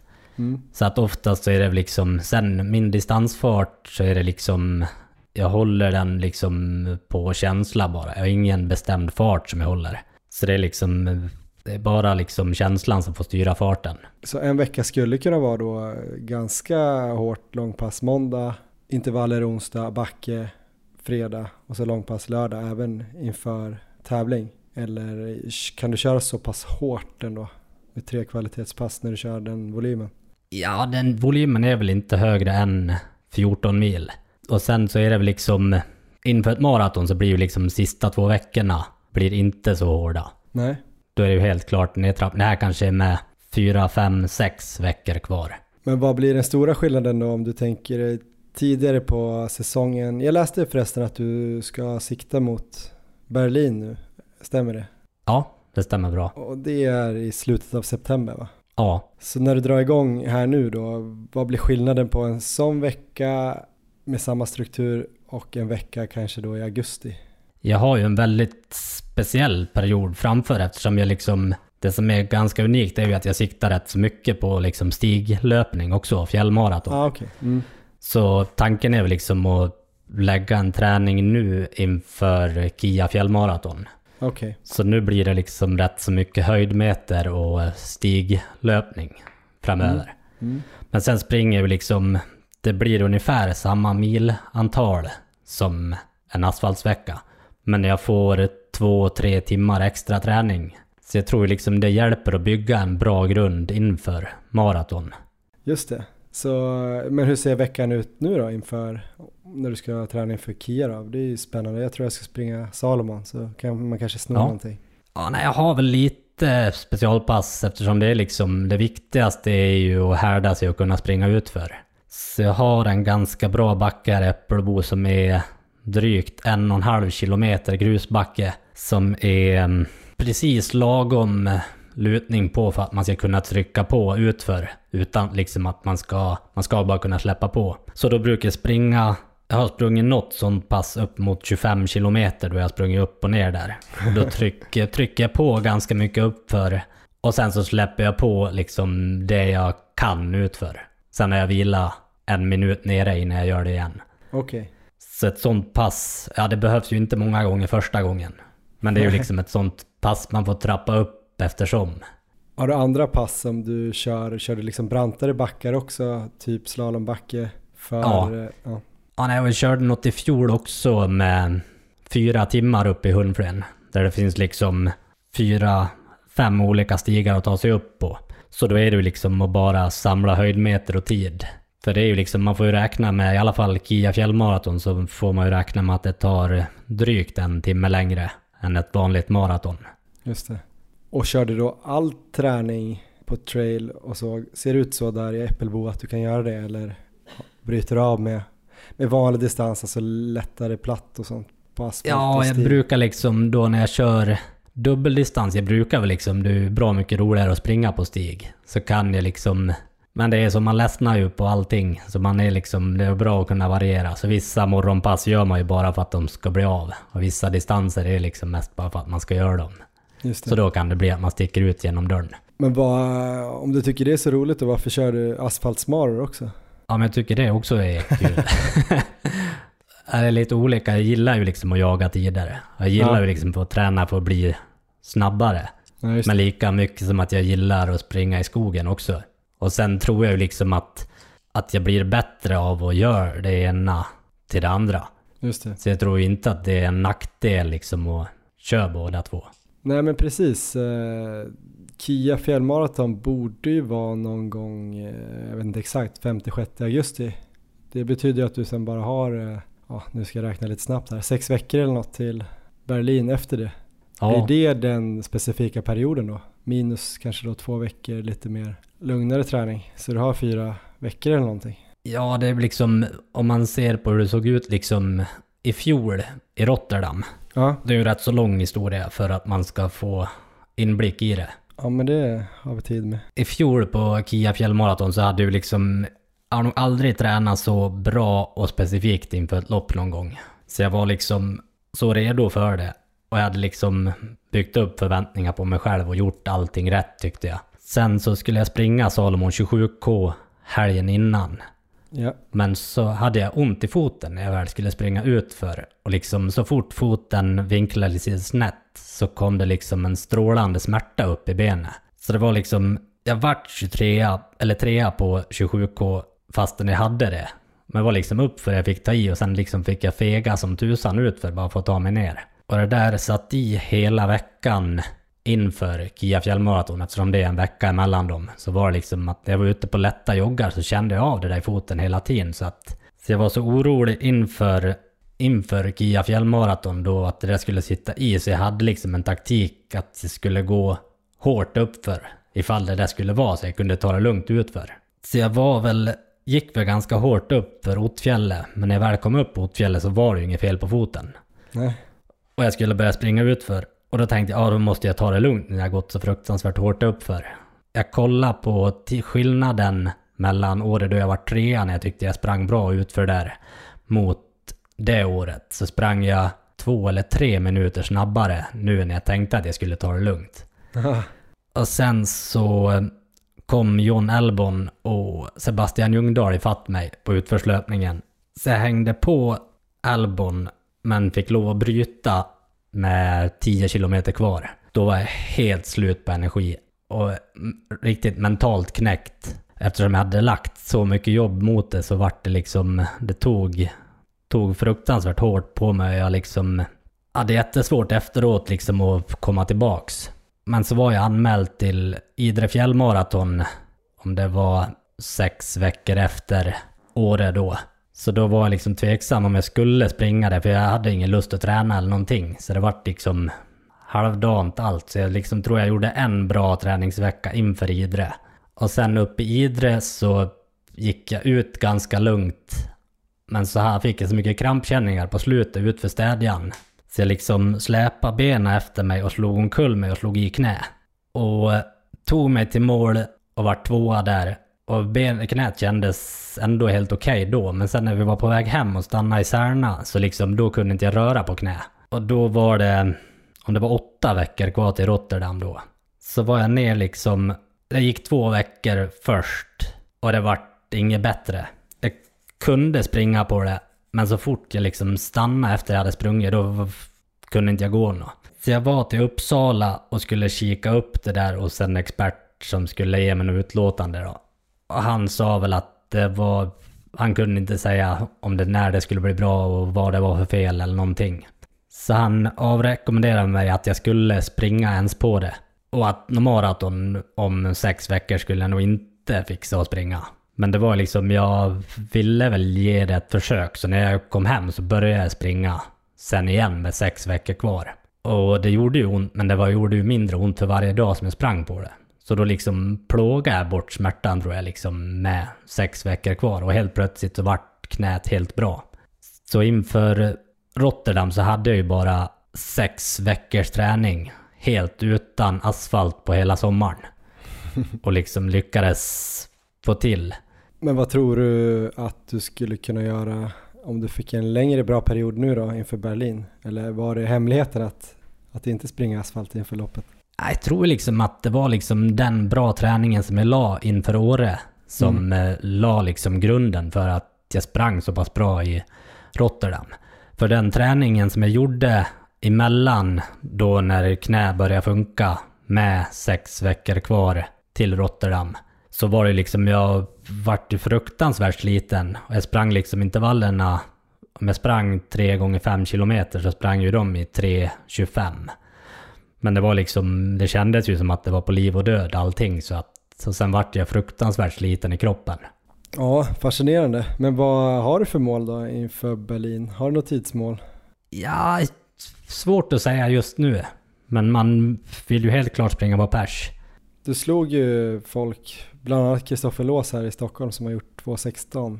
Nu säger jag inte att han hade en lika bra dag som du hade här i Stockholm, men, men vad tänker du ungefär? Man får ju känna hur träningen rullar på. Och liksom om allt går som det är planerat i, under sommaren så är det ju liksom att 2.15 är ju liksom en tid som man vill ner på. Om man vill testa liksom. Sen får man ju se hur träningen rullar på och vad man är i för form. Och vad tror du liksom framöver på längre sikt Hur länge kommer du fortsätta satsa på att bli så bra som möjligt? Ja, jag kommer nog satsa ett bra tag till hoppas jag. För det känns ju som att man nyss har börjat på sätt och vis liksom och träna på ett vettigt sätt. Och sen är det ju liksom, det är ju kanske inte på maraton som jag siktar på att bli bäst som jag hade trott när jag började. Att det är till och med kanske upp på 100 kilometer jag lär innan jag liksom skulle kunna bli bra. Nu har jag ju blivit mycket bättre på maraton än vad jag kanske trodde jag skulle bli just nu. Du kanske till och med får börja satsa på 24 timmar så, så du får slå Erik igen. ja, nej, Erik kan nog känna sig lugn på 24 timmar tror jag. ja, där är han oslagbar. Nej men eh, Jesper Lundberg, du ska ha stort tack för att du var med i Maratonlabbet. Ja, tack själv för att jag fick vara med. Ja, det där var alltså Jesper Lundberg då. Du kanske inte gillar Jeppe så mycket eftersom han snodde den här äh, segern i den virtuella äh, Stockholm Marathon här för något år sedan under pandemin. Men äh, han är ju riktigt härlig och kul att lyssna på. Vi har inte haft så himla mycket dalmål i podden så det här kändes riktigt, riktigt bra. Stenhård kille. Väldigt många likheter med Erik Anfeldt tänker jag. Ja, verkligen. Nej, men jag, jag gillar visst Jeppe, trots att han petade ner mig där i, i Stockholm. Ändå en andra plats i Stockholm Marathon får jag väl vara nöjd med. Ja, absolut. Jag kommer ihåg när det hände, att eh, när det där resultatet ramlade in, för det hade kommit in en del resultat innan där, det var någon som hade åkt typ så här, som hade cyklat eller kört motorcykel, för det var ju någon, någon som hade väl 1.48 där på maran och sådär. Men just när, just när Jeppes tid kom in där och man kände igen namnet så, mm, ja, då förstod jag att segern var borta. Men eh, ja, nej men precis, Dalarna är ju härligt och eh, Äppelbo Johan, vad vet du om den tätorten? Jag vet inte mycket mer än att eh, jag tycker det är lite härligt för jag sitter just nu i Blomsterbo, alltså mitt torp, det heter ju Blomsterbo, ja. så jag känner lite grann så här, fan jag kanske ska bli lika bra som Jeppe, vi har i alla fall en grej nästan gemensamt. Ja men precis, ni har faktiskt många saker gemensamt hörde jag här i intervjun. Ja just det, men du har simmat, ja du har simmat Vansbrosimmet va? Ja men det har jag.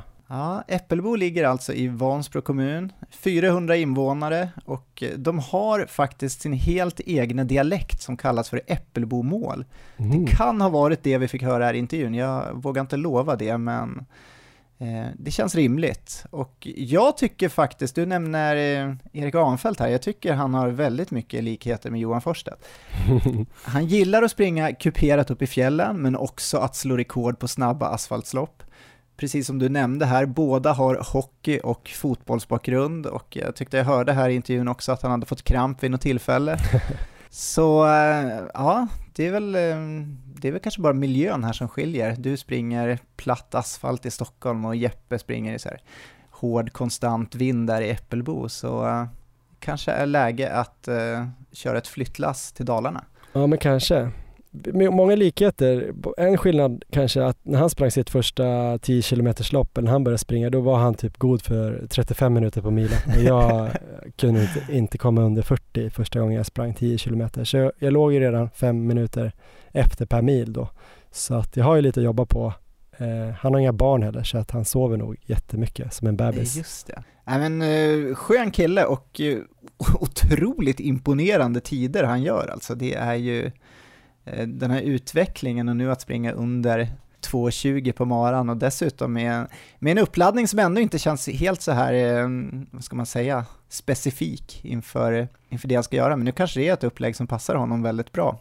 Men eh, ja, det finns nog många minuter till att kapa här på maran. Ja, nej men eh, det jag snackade om inför Rotterdam var ju framförallt det där att han fick problem med knät kändes ju inte riktigt optimalt så han hade ju antagligen sprungit bättre om han hade kunnat träna på där.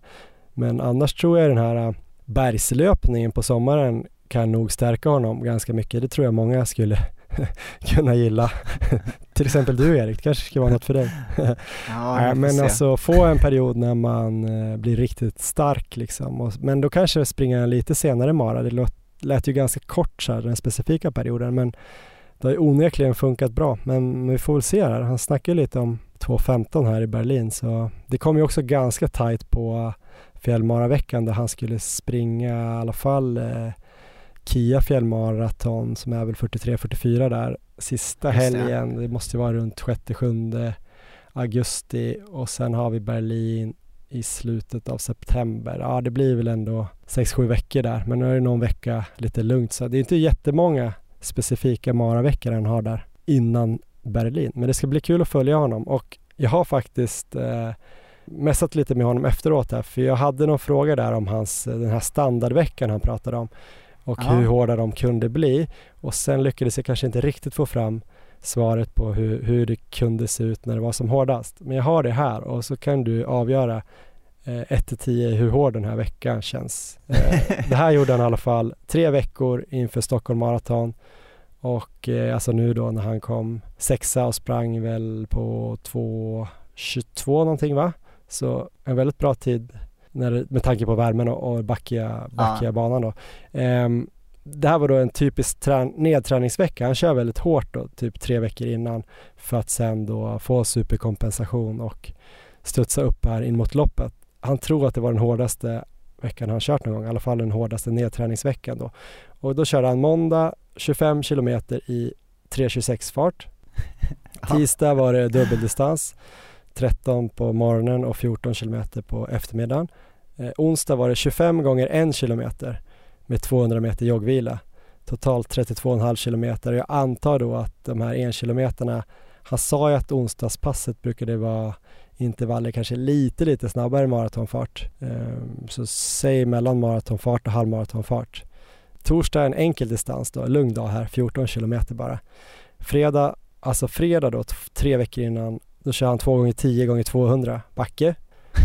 eh, lördagen då 35 kilometer, det var ju lugn, lugnt då, men det är säkert hårt för honom då, eller att han körde hårt. Och sen söndag 8 kilometer, så totalt 15,5 mil med ja, tre riktigt hårda kvalitetspass får man väl ändå säga, plus ett långpass på 35 kilometer. Så 1-10, hur hårt tycker du att det var? Ja, men han får ju en eh, 9 plus här på den här veckan. Uh -huh. Och, och, eh, så det är ju otroligt hårt. Men det funkar ju väldigt bra. Eh, måndagspasset där, för då är det alltså 25 km i 3.26, så det är lite långsammare än eh, marafarten då. Ja, precis. Det kallade han ju för mellanmjölk. 3.26 mellanmjölk. Ja, det är härligt.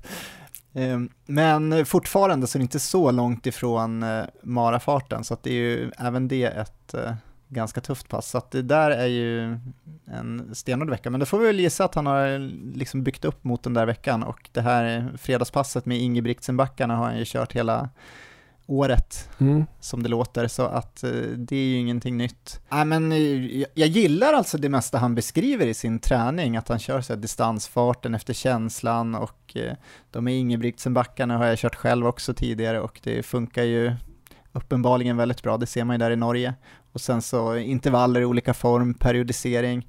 Så det är mycket hård träning och sen så nämner han ju där i intervjun att det var en volym på 14 mil ungefär. Nu var den här sista veckan där på 15 och mm. en halv. Um, så att jag tror väl ändå det är någon slags nyckel. Alltså det är ju inte lite, men om man jämför med många av hans konkurrenter där som springer på samma nivå så tror jag ändå att det är flera som ligger kanske uppe på 17-18 mil i alla fall.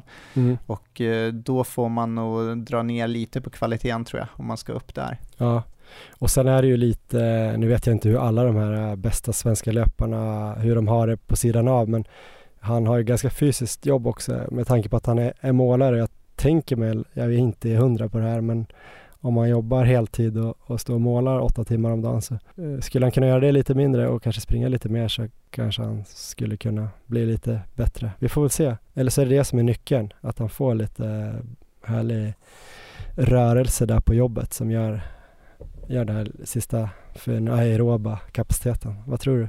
Ja, jag kommer ihåg att han hade taggat oss i någon story där för något år sedan när han stod och målade. Jag trodde han stod och målade om hemma och sen så lyssnade han på Maratonlabbet. Men det var på jobbet alltså? Ja, jag tror han lyssnade på Erik Ahnfeldt-intervjun. Eh, det kanske var därför Just jag det. tänker att de är lika. Så då får han ju bra tips i alla fall under jobbet. Så det är alltid något.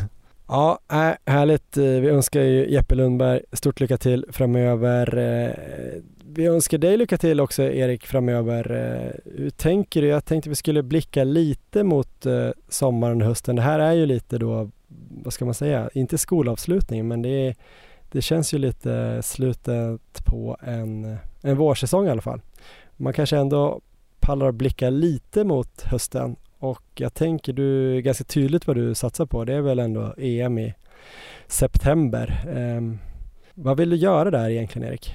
Ja, nej men det är 100% eh, satsning mot EM nu, så det är allt fokus jag har egentligen. Så att jag har eh, otroligt höga mål där, om jag nu kan träna på som jag vill. Ehm, så att det här, det jag kanske går in och nämner nu, det bygger då på att jag inte får fortsatta problem med hälsenan och att jag inte kommer kunna träna, utan eh, min förhoppning är ju att vara tillbaka i träning nu nästa vecka och sen så trappa upp och sen så komma upp på den här höga volymen som jag vill ha nu hela vägen fram till EM och eh, lyckas det, att jag kan träna som jag vill, eh, så har jag eh, oerhört höga målsättningar där på EM, så det kommer nog vara de smalaste målen jag har satt än så länge i poddens historia tror jag. Men det är EM-medalj eller? Eh, ja, och det är faktiskt två EM-medaljer. Ja just det. Eh, för att eh, till att börja med så har ju Sverige väldigt goda chanser skulle jag säga i lagtävlingen. Vi har ju många i vårt lag, där vi är sju stycken herrar alltså, och sex stycken kommer få springa i laget då. Av de här sex så räknas de tre bästa resultaten ihop för att eh, ja, få ett slutresultat helt enkelt.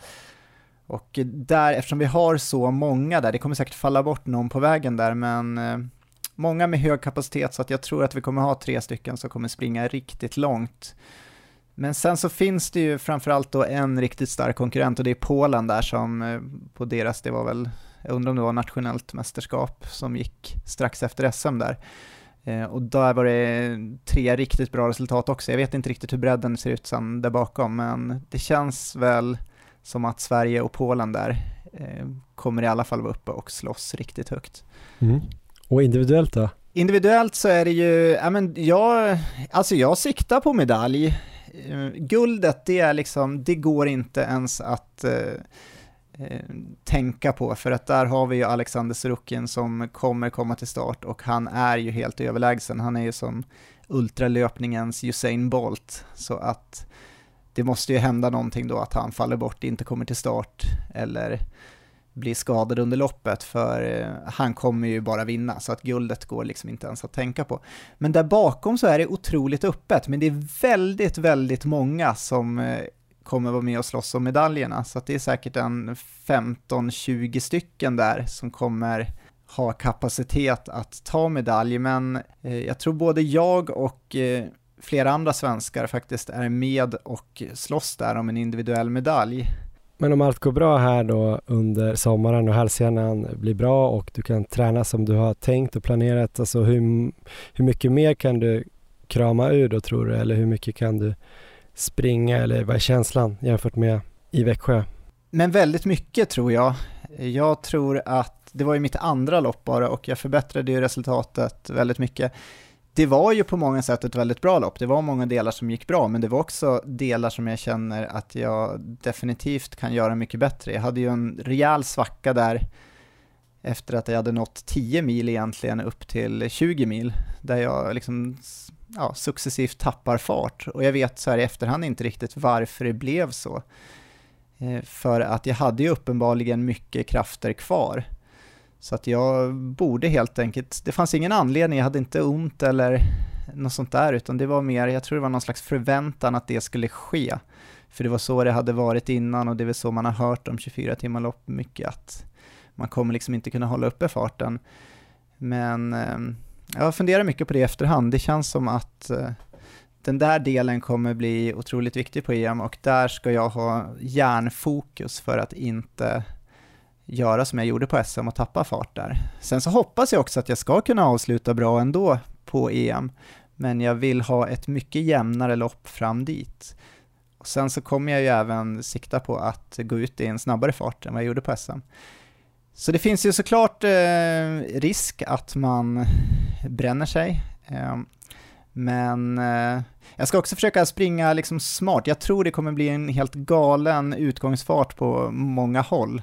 Så att jag ska inte dras med i något sånt där, utan jag kommer ha fokus på min egen plan. Jag kommer hålla eh, den tiden jag bestämmer där inför och sen så springa i det fram till så en, ja, kanske en fyra, sex timmar kvar och sen så se vad man kan göra därifrån. Så att det är min plan. Jag kommer inte liksom springa under loppet och kolla vad de andra ligger på och eh, försöka slåss om placeringen redan då, utan det får bli ett sånt upplägg, så jag kommer säkert vara en bit efter väldigt många, mm. länge.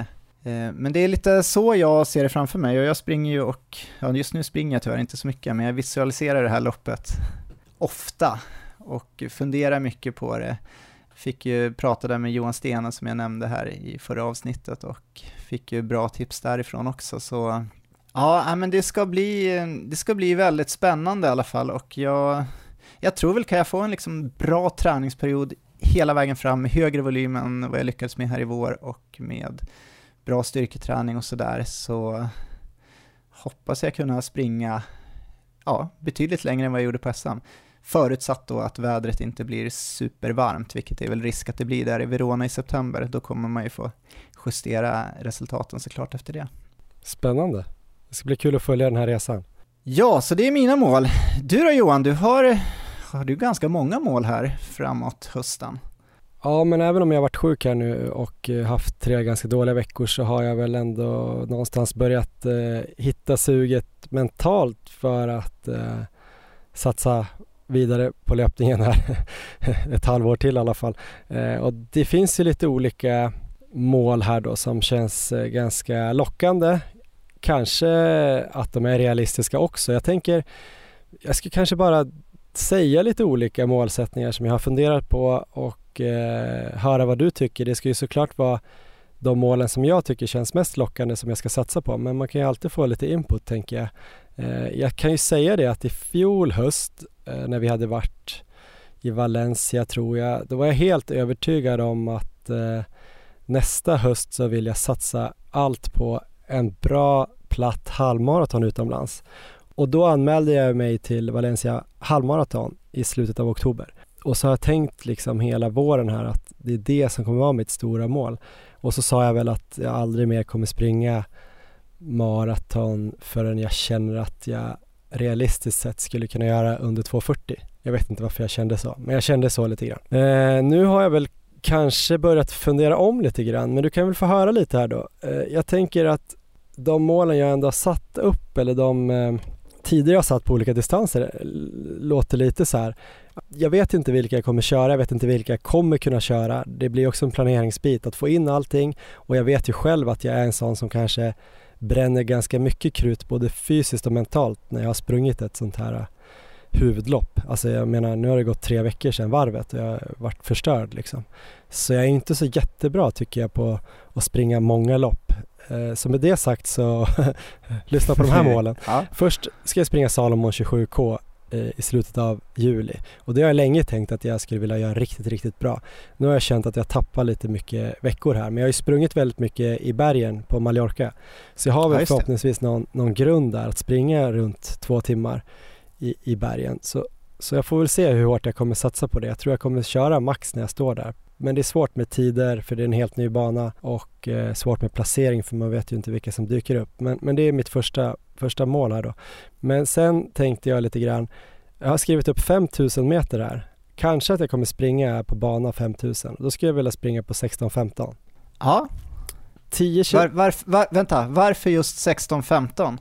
Jag tror dels att det är rimligt och det är 3.15 fart och så tror jag att eh, en av dem som hade Elitpodden hade pers på 16.17 eller 16.18. Eh, Ja, och det var Och, inte eh, Sigge Synnerman.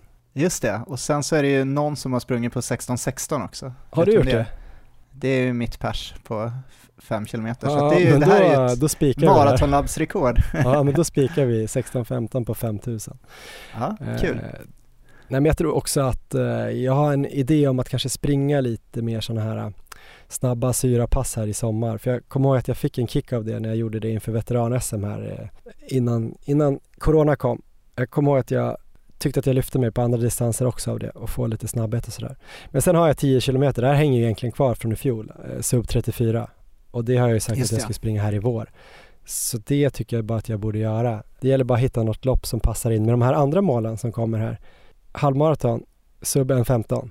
Ja, Och det vet jag inte. Vissa säger ju att jag kanske har det redan med tanke på Göteborgsvarvet. Alltså jag menar inte att jag har det, men att jag skulle kunna klara av det.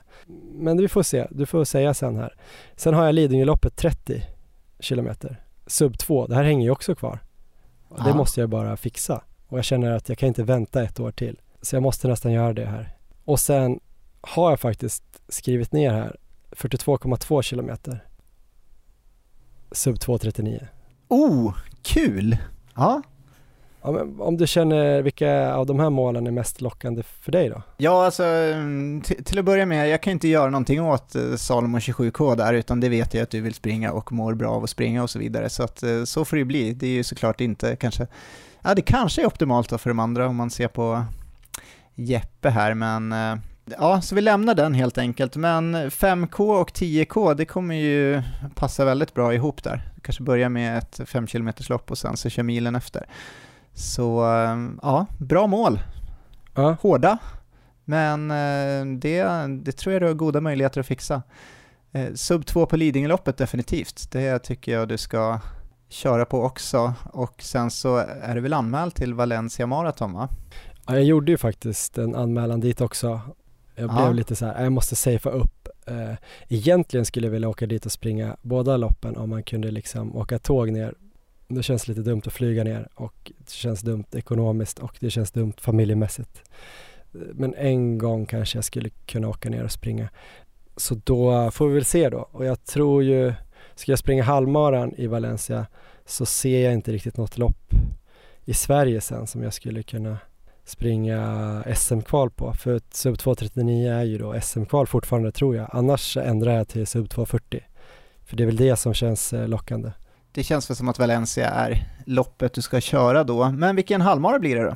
Ja, det är lite oklart för att jag har inte riktigt hittat något. Jag vet ju att det går, eh, jag tror till och med det går tre halvmaror som skulle kunna funka i Sverige eh, samma dag eller samma helg och det är Bålsta en halvmaraton om det är 8 oktober eller 9, 8 tror jag, 8 tror jag. Och så tror jag det är något i, i Örebro och sen är det Göteborgs maraton som också är halvmaraton. Alla de Just tror jag är hyfsat platta. Men det är bara två veckor efter Lidingöloppet 30 så jag, det känns inte optimalt eh, för mig.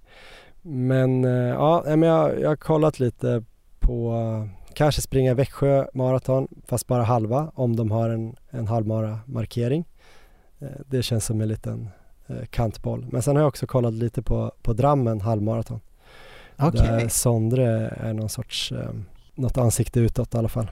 Det, men det går tidigt i september så då, då hinner jag inte träna så himla mycket mer halvmaratonträning. Men det kanske kan gå ändå. Men vi får se, vi får snacka om det här längre fram om, om vi fortsätter podda. Men du tycker i alla fall att det är rimliga mål då, eh, inte för lätta och något svårt. Jag känner ju att maraton känns typ omöjligt. Men Jag känner väl att eh, samtliga är smarta mål skulle jag säga, förutom kanske maraton som är helt klart det smala målet här, men det är också det du har längst tid på det om du springer i Valencia.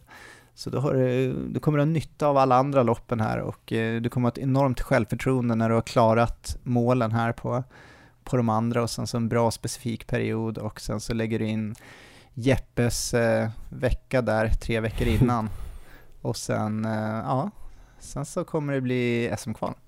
Ja men vad härligt. Ja men vi får se lite vad som händer i sommar och höst för oss Erik och vi får se lite vad som händer med podden. Vi hoppas ju att Ja, vi precis. kommer tillbaks här eh, någon gång här framöver. Kanske om två veckor, kanske efter sommaren, kanske aldrig mer. Vi vet inte. Erik. Nej, vi ska ha ett möte här framöver så får vi se hur det kan fungera. Jag tror inte att ni kommer bli helt av med oss, eller jag hoppas inte det i alla fall. Eh, ni kan ju hur som helst kolla upp oss på Instagram fortsatt, där vi heter Maratonlabbet. Jag tänkte också på det, ni får ju följa oss på, på våra privata konton också. Där heter väl du erik.olo Precis. och jag heter Johan Forstedt. Eh, Då kanske man får lite mer av någonting. Jag vet inte vad man får då, men man kan gå in och kolla där. På Strava heter vi Erik Olofsson och Johan Forstedt och vi hoppas att det börjar hända roliga grejer där nu framöver. Det ska du göra. Och eh, så brukar jag alltid fråga dig till slut här, kan man kolla något mer? Eller är det något mer vi brukar säga, brukar jag säga? Det tror jag inte, utan vi säger bara lycka till med träningen och eh, ha en trevlig sommar. Ja, glad midsommar, glad sommar. Vi hörs och ses. Eh, Ha det bra Erik. Ha det bra.